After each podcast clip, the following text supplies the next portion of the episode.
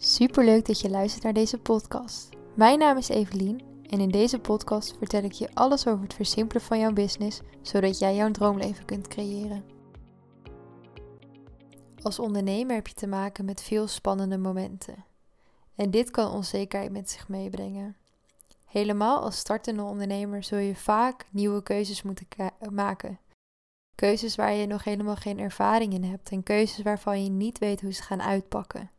Ook ik heb hier last van en ook heel veel anderen. Ik las namelijk laatst nog een berichtje in een Facebookgroep over iemand die een bepaalde onzekerheid deelde. En ik denk dat deze onzekerheid voor superveel mensen herkenbaar is.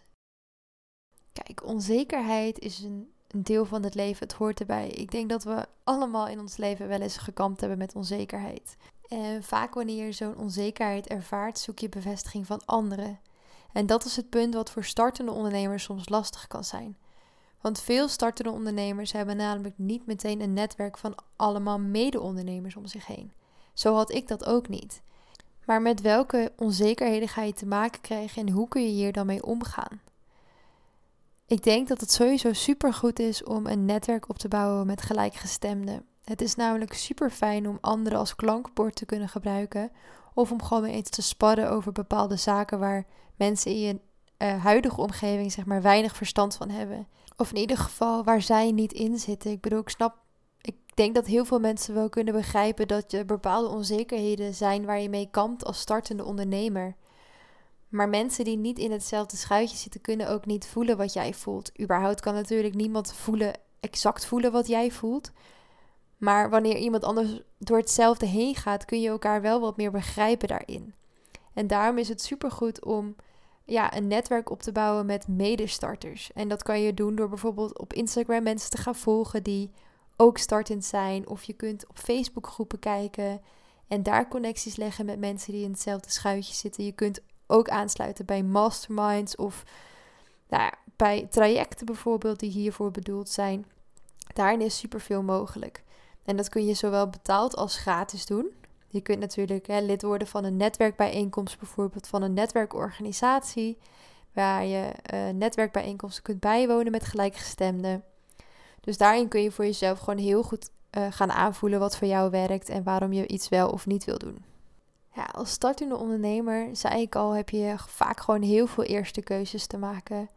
Het begint vaak al bij het starten van je bedrijf überhaupt. Wat ga je doen? Um, wie wil je daarmee aantrekken?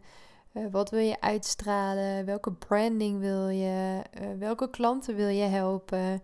Welke skills kun je inzetten? Dat zijn al heel veel vragen en heel veel keuzes die je te maken hebt voordat je eigenlijk begint. Dus vaak um, starten mensen met een inschrijving bij de KVK en daar moet je eigenlijk al je bedrijfsnaam hebben gekozen, een bepaalde richting hebben gekozen.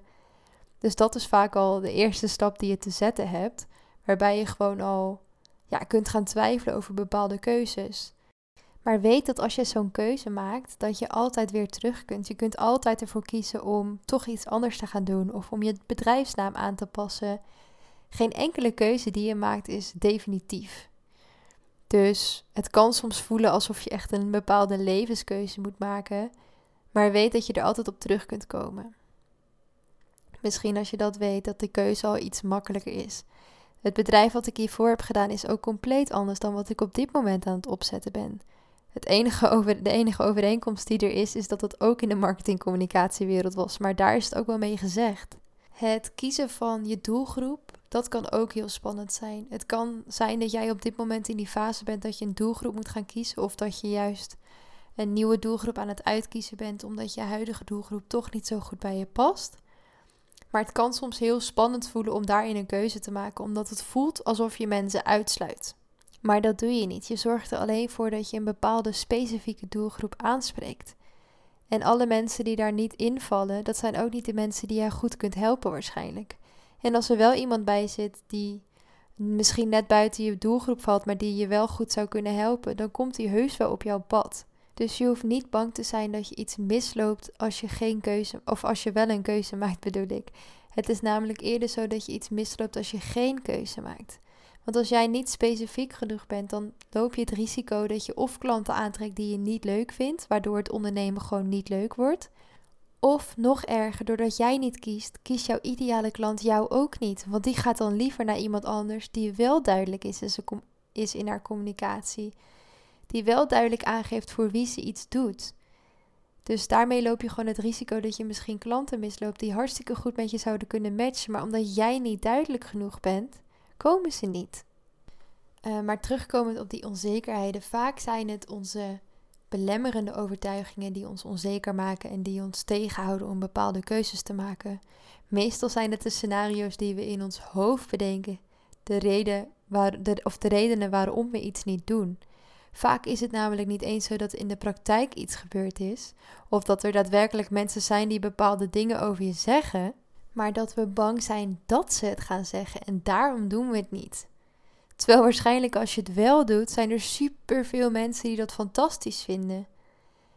En ja, je moet ergens beginnen. Dus je kunt ook niet verwachten dat je ergens meteen helemaal in uitblinkt. Daarin moet je gewoon groeien.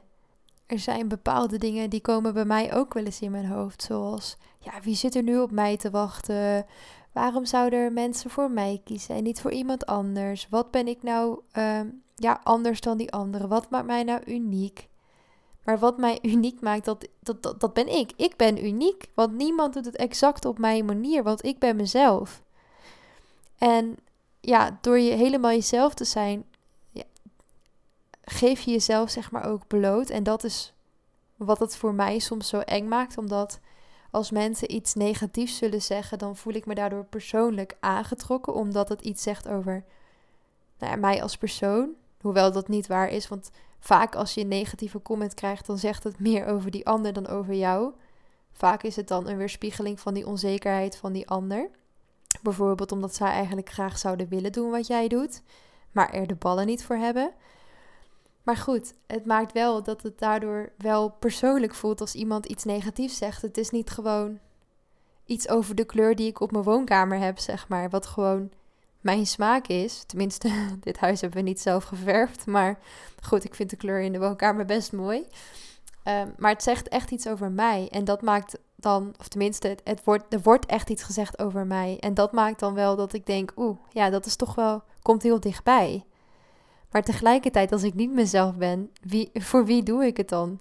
Als ik continu, als ik online kom of continu als ik deze podcast opneem, een masker op moet zetten en moet doen alsof ik iemand anders ben, dan ben ik toch helemaal niet mijn droomleven aan het creëren. Want dan ben ik het droomleven van mijn alter ego aan het creëren die ik gecreëerd heb voor jullie.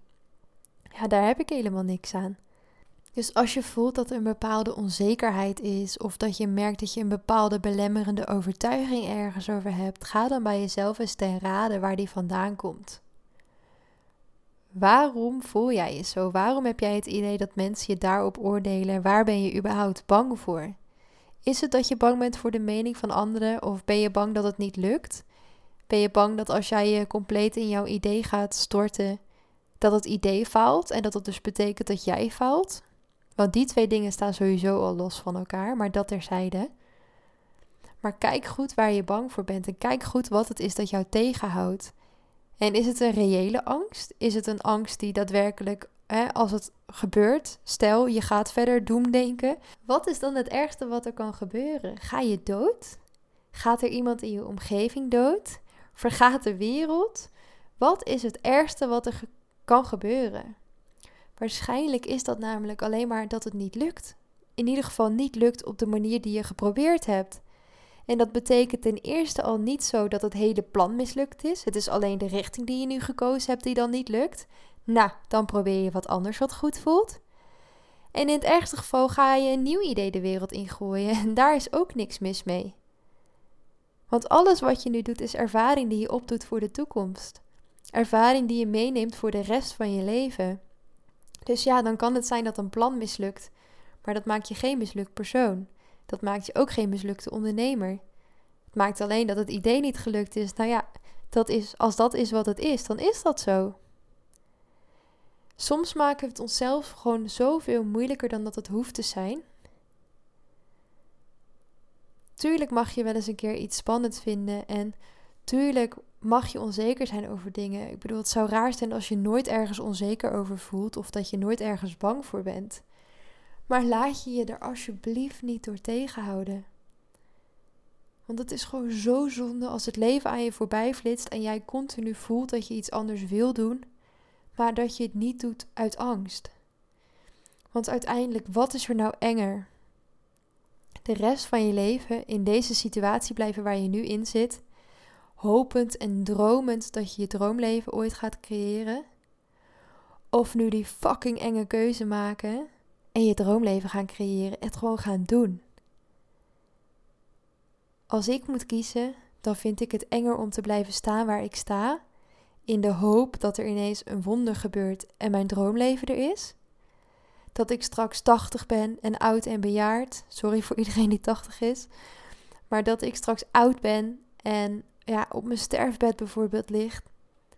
En dat ik denk, oh, toen ik 26 was, had ik toen nou maar gewoon die keuze gemaakt.